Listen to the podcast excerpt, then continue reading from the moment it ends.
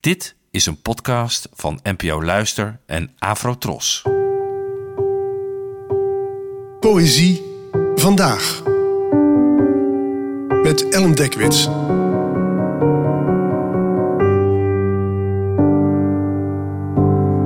Hallo, fijn dat je luistert.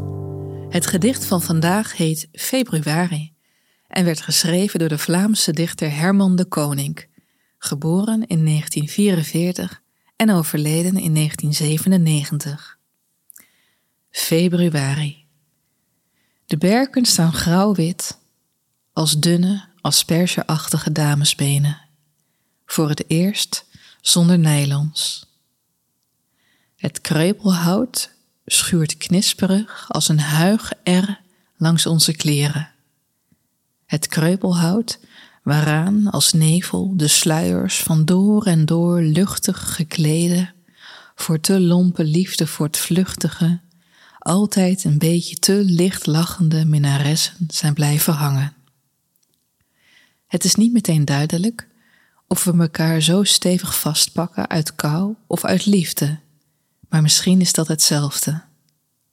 Want koud is het hier, als in een soort kathedraal het soort diepvries religie dat 2000 jaar lang Christus koel heeft bewaard. En de zon schijnt als het lichtje in een koelkast. En de mist s'avonds lijkt op het soort vaagheid dat ontstaat in het hoofd van een seniele god, die niets meer, laat staan een landschap, kan onthouden. Kijk maar, waar hij nou weer Leuven anno 1975 heeft verloren gelegd.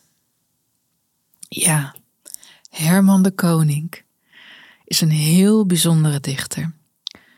Zijn werk is uh, toegankelijk en tegelijkertijd gelaagd. Het bevat talloze magische ideeën en het vormde ook nog eens een grote inspiratiebron voor de dichters na hem. Ik ken zelf eigenlijk maar weinig Vlaamse jonge dichters die niet schatplichtig aan Herman de Koning zijn.